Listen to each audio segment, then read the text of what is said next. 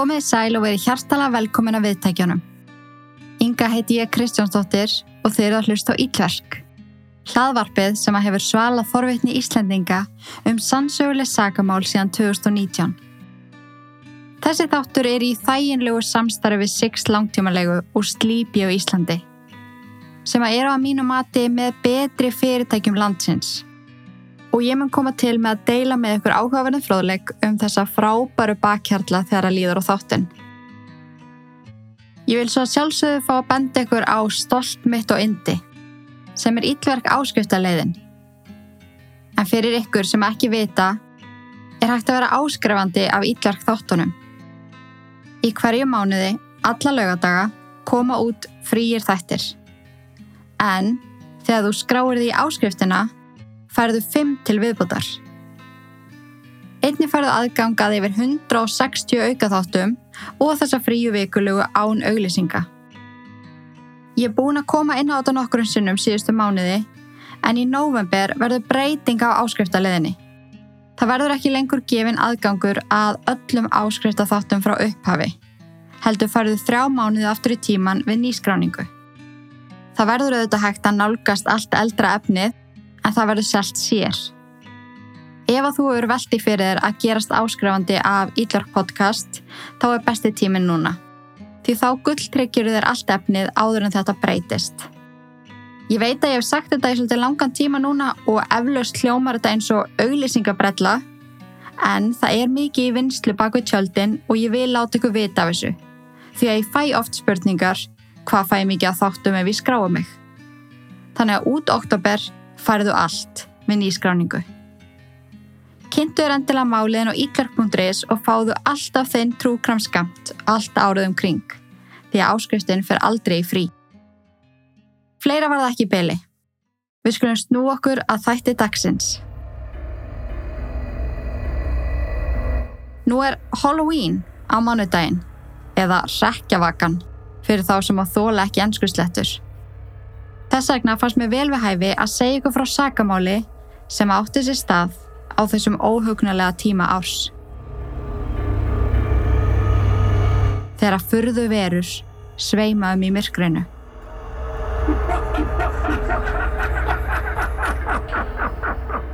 The Man Who Killed Halloween. Gjöru þið svo vel.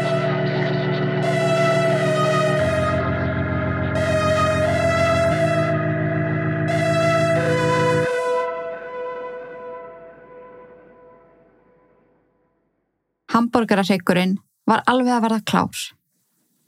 Loksins orðin gullin brún og púðusykurinn og sírópið bráðið ofan í skorpu hrygsins sem að gerða hann að stakka, bræðmekla og safaríka. Brúnaðar kartaflur, rauðkál, gula bönir, rjómalagað ávaxtasalat og brún sósa, svo eitthvað sem nefnda meðlætinu, var í spariskálum á eiginu í eldúsinu. Ilmurinn sem að lékum beits heimilið var dásamlegur og nú ótti bara eftir að bera herligheitin fram. Hjónin Betsy og Jim Bates báru svo fram matinn en þurftu að passa sér sérstaklega er þau komið fram í borstofu. Að börnin sem að leku sér þar íttuðum ekki um koll. Það var í algjör synd að þessi dýrindis matur fari í gólfið. Krakkar, passið ykkur. Setist nú neður. Það er komin matur. Það voru fleiri börn í húsinu en vanalega. En þar sem að það var nú hrekkjavöku kvöld, nána tiltekið 31. oktober árið 1974, ákveðu þau að bjóða vinahjónum og börnunum þeirra að borða með sér og fagna þessari óhugnalegu en þó skemmtilegu hátíð. Betsy og Jim vissu það líka að vinahjón þeirra, þau Ronald og Diane og Brian, áttu að frekar erfitt þessa dagana. Það var mikið í gangi og sambandi á millið þeirra mjög styrst. Svo þeim fannst þetta kjöri tækifæri til þess að hressa þau aðeins við. Fáðu til að hugsa um eitthvað allt annað í örlittla stund.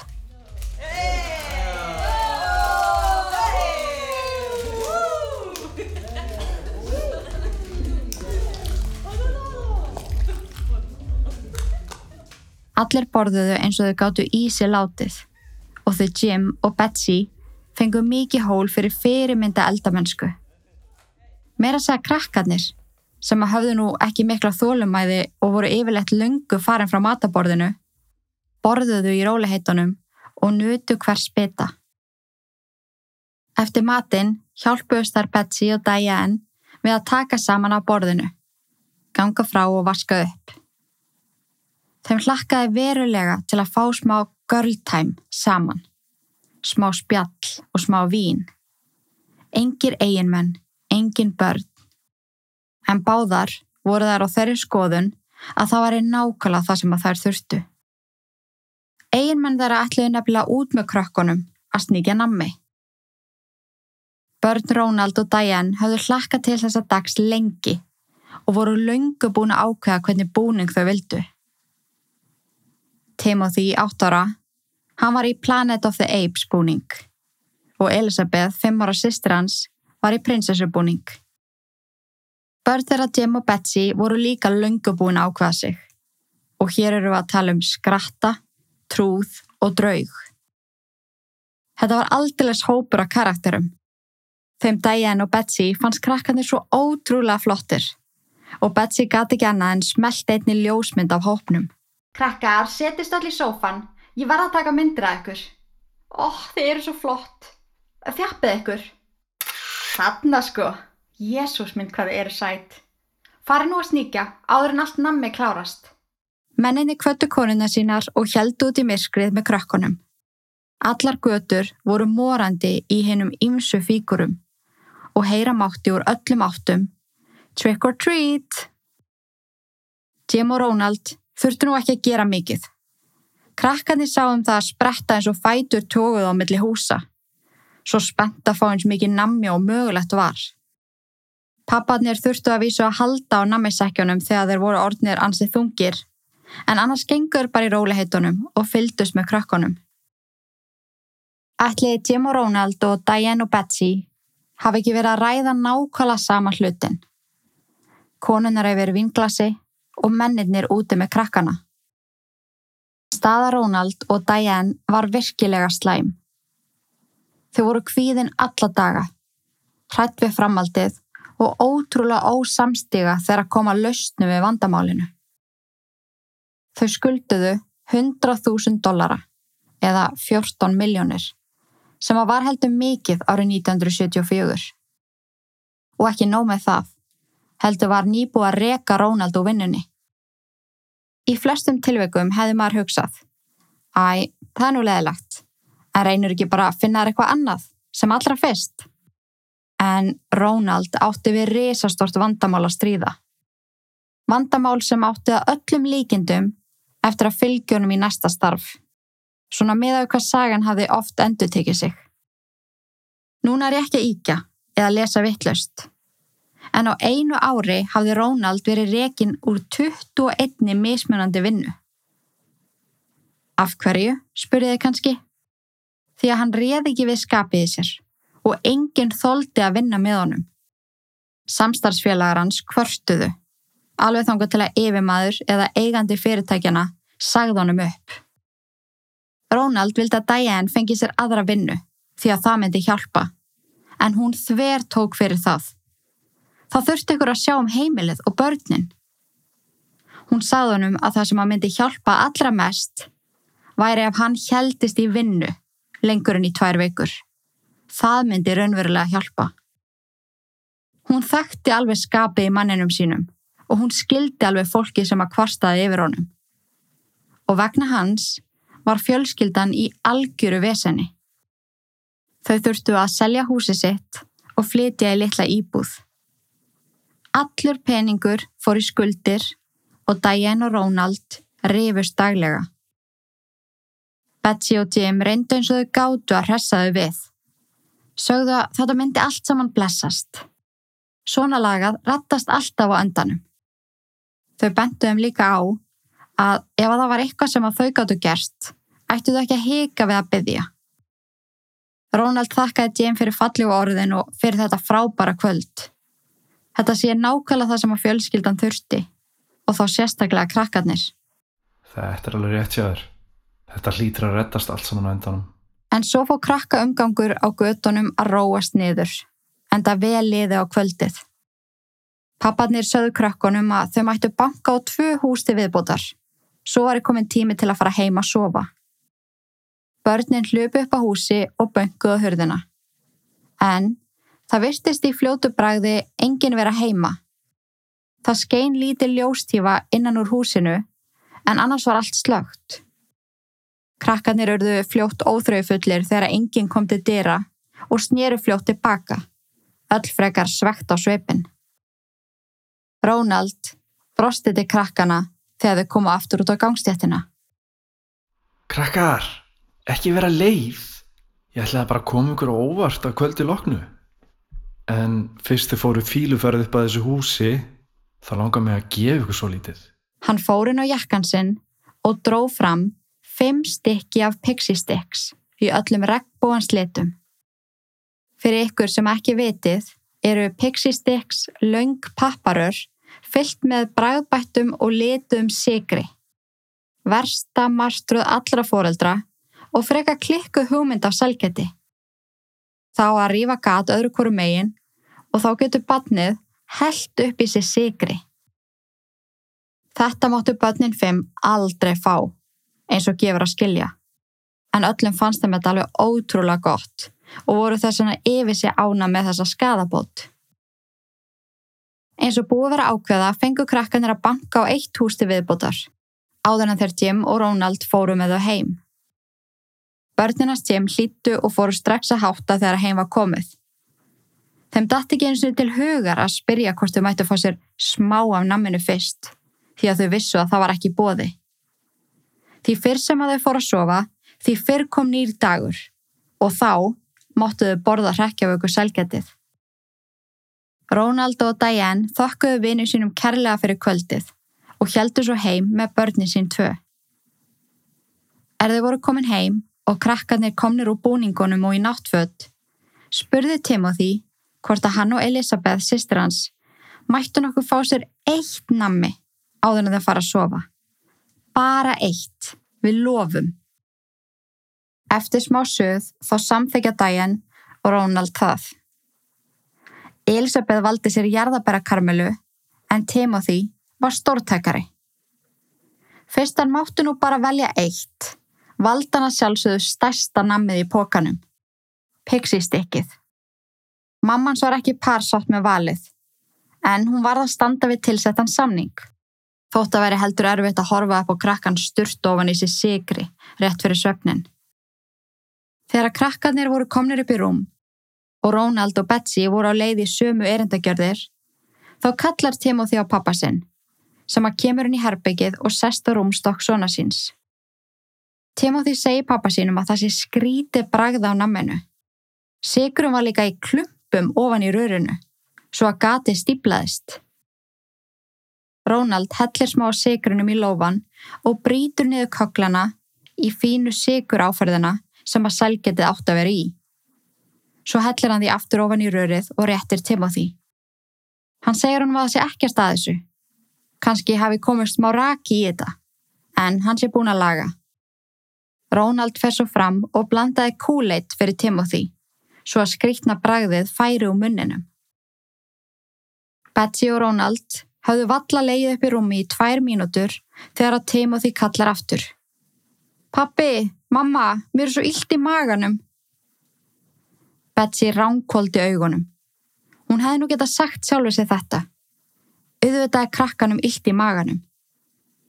Hún ítir í Ronald og beður hann vinsalegast um að leysa þetta vandamál. Hann getur líka nýtt tækifærið og kent sinni sínum að nammi getur farið illa í magan og þá sérstaklega rétt fyrir svefnin. Ronald sest aftur á rúmstokkin hjá sinni sínum og stríkur honum um magan. Timothy engist um sest svo upp í rúmið og segist þurfa að kasta upp. Ronald fer með Timothy í flítin á baðherbyggi, þar sem að barnið ælir eins og múki, eins og ælan ætlir hreinlega aldrei að stoppa. Timothy veinar úr sársöka og reynir að segja eitthvað í pappa sinn í gegnum uppkastin. En svo allt í einu finnur Ronald allan kraft fara á líkama svona síns, sem að hættir að æla og fellur líflaus í fangið á honum. Rónald fer yfirum og kallar á Betsy og segir henn að sé eitthvað alvarlegt að. Áður en hann hleypur á heimasímanum og ringir á neyðalínuna. 911, what's your emergency?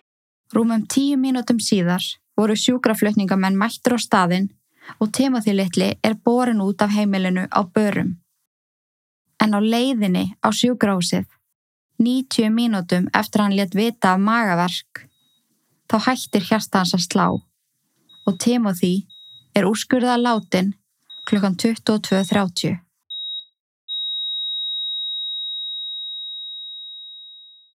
Lík Timothy var sendt í bráðakrupningu strax um nóttina, svo hægt var að útskýra hvað kom fyrir barnið.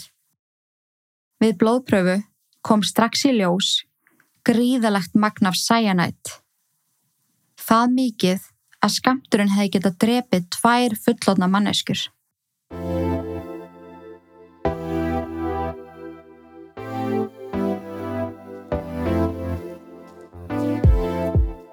Það er nýverið búið að skella inn nýjum kokkum í langtímalegu sext. Þau hendu mér á glænían Renault Captur sem er svona bíl sem ég hefði aldrei spáði en vákvæðan er fáralega þægilegur.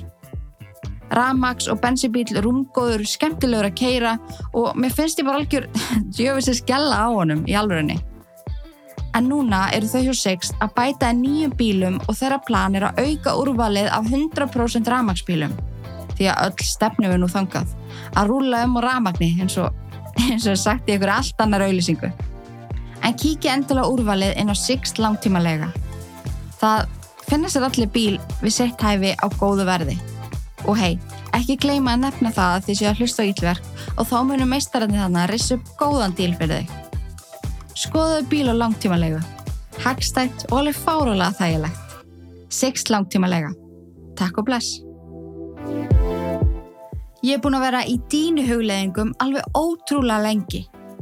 Ég veit ekki hvað það er, en það að kaupa með dínu, það, það hræði mig. Ég fæ svo mikið svona framistöðu kvíða, eða svona, uh, hvað ef ég verði ekki ánað, eða hvað ef að ég er ánað fyrst og svo fer það að dala. Æ, ég veit það ekki. Ég hef einhvern veginn frestað þessu ótrúlega lengi. En ég fekk svo aðstof á Instagram eða ég spurði fólk hvaða dínu það ætti og það sögðu bókstala allir slípi, alveg yfirgnæfandi meiri hluti. Svo ég fór að skoða það betur. Fór upp í búð, skoðaði og varði voða skotin strax. Og eftir að velta þessu fyrir mér í nokkra veiku til viðbótar ákvaði ég að heyra bara í slípi, tjekka hvort við getum ekki unnið eitthvað saman ef ég væri svo ána með dínuna. And here we are. Er það að grínast eða? Ég fór úr því að vakna með verk í bakinu alla modna yfir í að vakna útkvíld á bókstala einni nóttu. Ég get sagt einhver mega glöð og sátt að ég mæli svo innilega með slípu dínunni. Ef að þið eruð í slíkum hugleggingum þá þurfuð þið ekki að leita meira. Hún gengur fyrir þá sem að vilja hartundilag, hún gengur fyrir þá sem að vilja mjúkt, þú einfallega snýrðinni bara eins og þér hendar. Ég, ég elska þegar ég get bent ykkur á eitthvað virkilega gott stöf, ykkur góða vörur eftir að hafa prófað það sjálf. Það er svo góð tilfinning þegar maður getur sparað öðrum tíma sem fer í að leita af upplýsingum og pröfa og rannsaka áður en keftir. Þessar dýnur eru líka frábæru verði og þetta fyrirtæki hefur svo ótrúlega mikla reynslu og þekkinga á því sem það er að gera. En slípið er búið að vera í 30 ár að reyna að þróa hérna fullkomnu dínu og ég held bara sveimið þá að þeim hafi tekist það. Baki mitt er allavega mjög hafmyggjusamt með þetta allt saman. Kíkja endilega á sleepy.is ef að þið eruð í dínu hugleggingum og ekki hika við að heyri mér ef það er eitthvað sem að þið viljið vita meir um. Ég vil með öllu hjarta að þið sóðu vel. Sleepy á Íslandi. Betri svepp, betra líf. Cyanide eða cyanide er nota mikið í yðnaði en ef það er nota sem eitur virkar það hratt sem köpnunarefni og aðeins nokkrum mínútum frá intöku slekkur líkamenn á starfsemi sinni. Þessu fylgir sárverkur í maga, höfði og útlimum, þingsli fyrir brjósti, ruggl og uppköst. Súrefnið kemst ekki sína leið og kæfir því viðkomandi. En hvað í ósköpunum kom fyrir? Hvernig fekk batnið cyanide eitrun?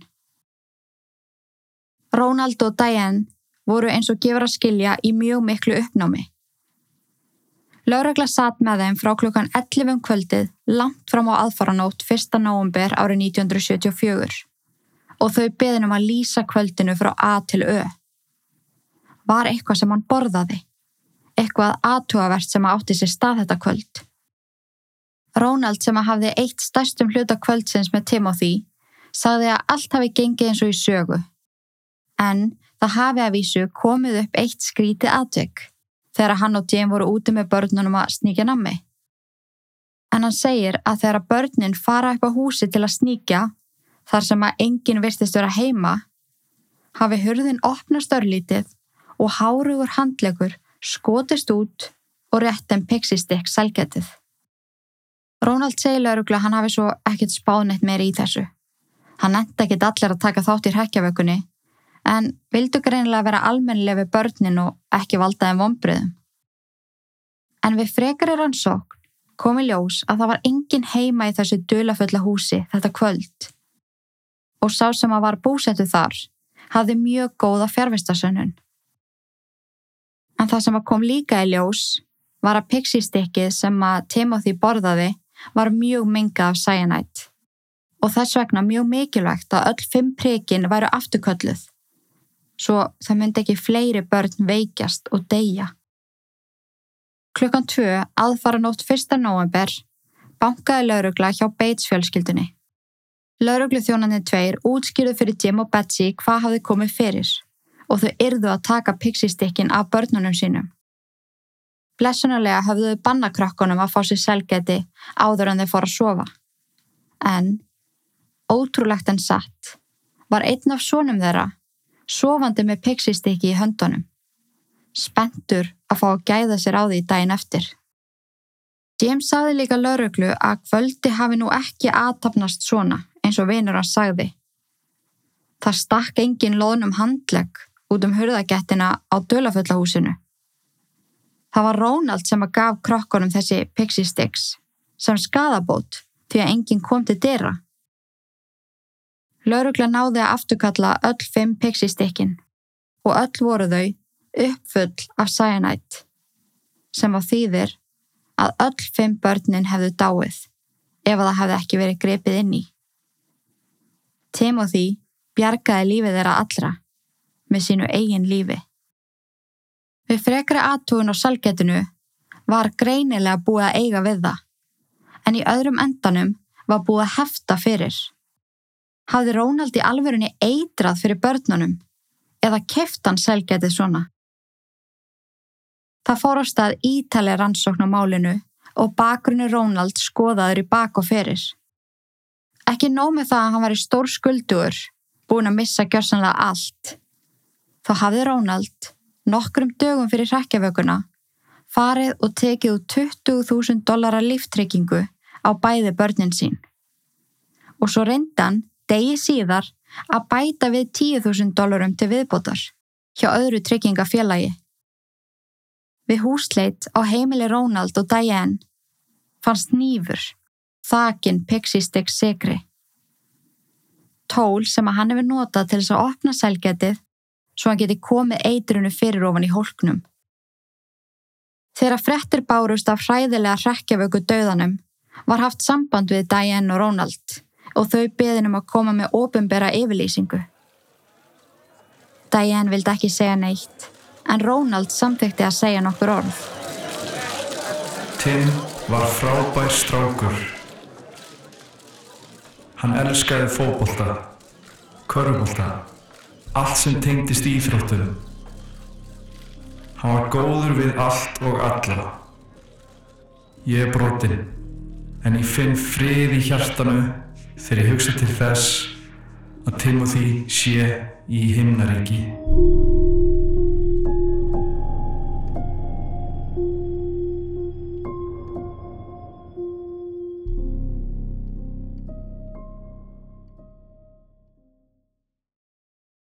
Rónald var handtekinn fyrir morði á sinni sínum þann 5. november árið 1974. Hann neitaði allri sök og sagði ítrekkað að hann myndi aldrei gera slíkt. Þótt að sönnunagögn í málinu bentu vissulega á hann.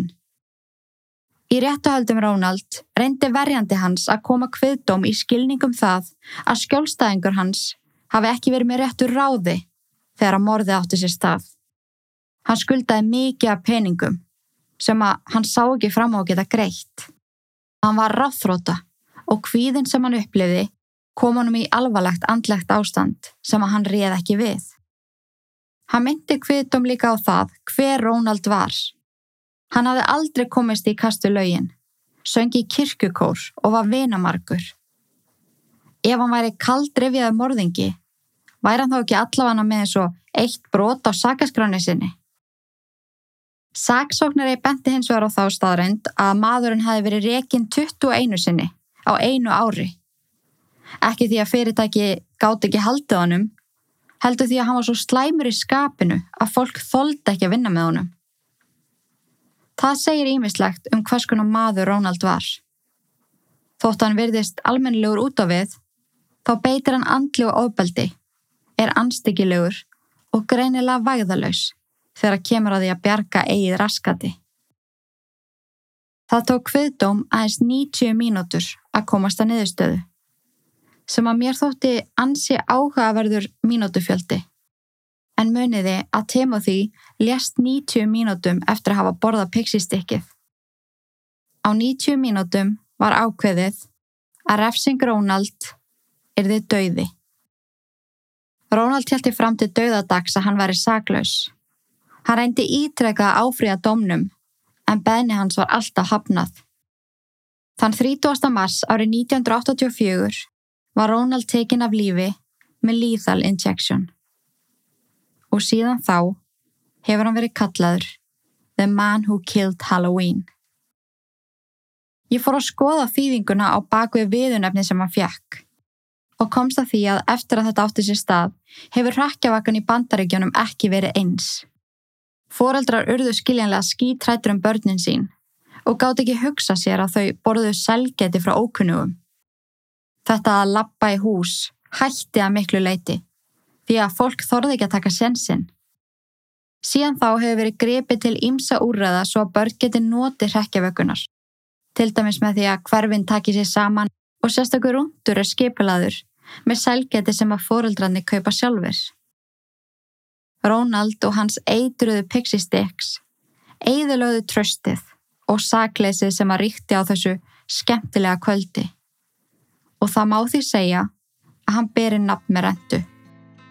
The Man Who Killed Halloween.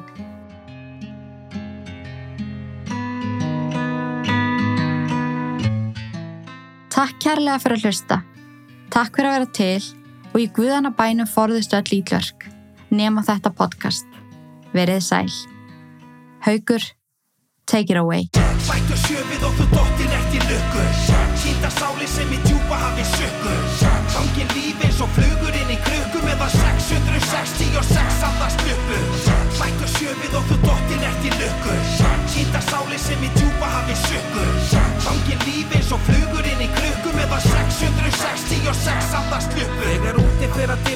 frostin ístir inn að beini Engin engil sem að veiti verði í eðilögðum heimi sem að lagðist í eði með heift og sakleysingjar týndu lífum. Verkin ítlu sem að fólki sá í sínu sínum Hversu margir hræðast drauga? Hversu margir hræðast að að horfi í augu dauðas augu taka mann á taugum eins og andar sem að þerja mann. Hvaði voru á himnum fyndu engil til að verja mann. Hjartaslæri svo það sé með djöfulinn á hælunum Refur á móti hænunum, úlfur með sögða gæru Ílska reykar í bænum og lömpi þakma þórað ekki að vanda Allt og marga sálir sem að tilbyðja fjanda. Hamingja krassar eins og skip sem strandar Anda dráttur milli handa hættir að vanda Þegar að þreyttir að hálsi. Þegar ótti tekur yfir missa sakleysingjar bálið eins og nortni galdra fári. Bættu sjöfið og þú dottir eftir lukku. Kýta sáli sem í djúpa hafi sökku Gangin lífi eins og flugur inn í krukku meðan 666 andast luppu Bættu sjöfið og þú dottir eftir lukku. Kýta sáli sem í djúpa hafi sökku Gangin lífi eins og flugur inn í krukku meðan 666 andast Er það reyði sem að gera megin skeppnu skapur eins og grimmir hundar sem að naga bein eins og refur inn í hensna kofa Hænur sofa svefninu langa þegar að anda koma. Þegar illir anda taka yfir liði fyrir yfir liði ljósir anda fara fyrir. Flesti kjósa fá að halda friðin liðir yðar um og missi trúna sem það lifði fyrir Flesti standa eftir og stara bara hefnd í sjúkum hug eins og hjá blóðþyrstum talibana. Þau þurfa að byggja fyrir sálum sínum eins og fíkil sem er háðu vímu þjáður er í sárum sínum. Byður um það eitt að hlusta sé á alla bæni sínar. Gengi hefur grítt að vegi alla fokkin æfi sína. Shhh, Viltu fá að sjá? Ingu illur tróða sér í lag hjá fokkin hauki há. Mættu sjöfið og þú dottir í lukku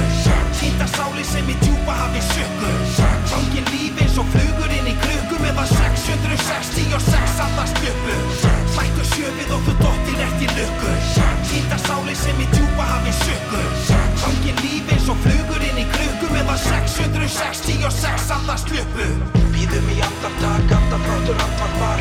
Í andarklasi skilji andar eftir andapar Býðum í andartak, andafrátur, andarpar. Í andarklasi skilji andar eftir andapar Býðum í andartak, andafrátur, andarpar. Í andarklasi skilji andar eftir andapar Býðum í andartak, andafrátur, andarpar. Í andarklasi skilji andar eftir andapar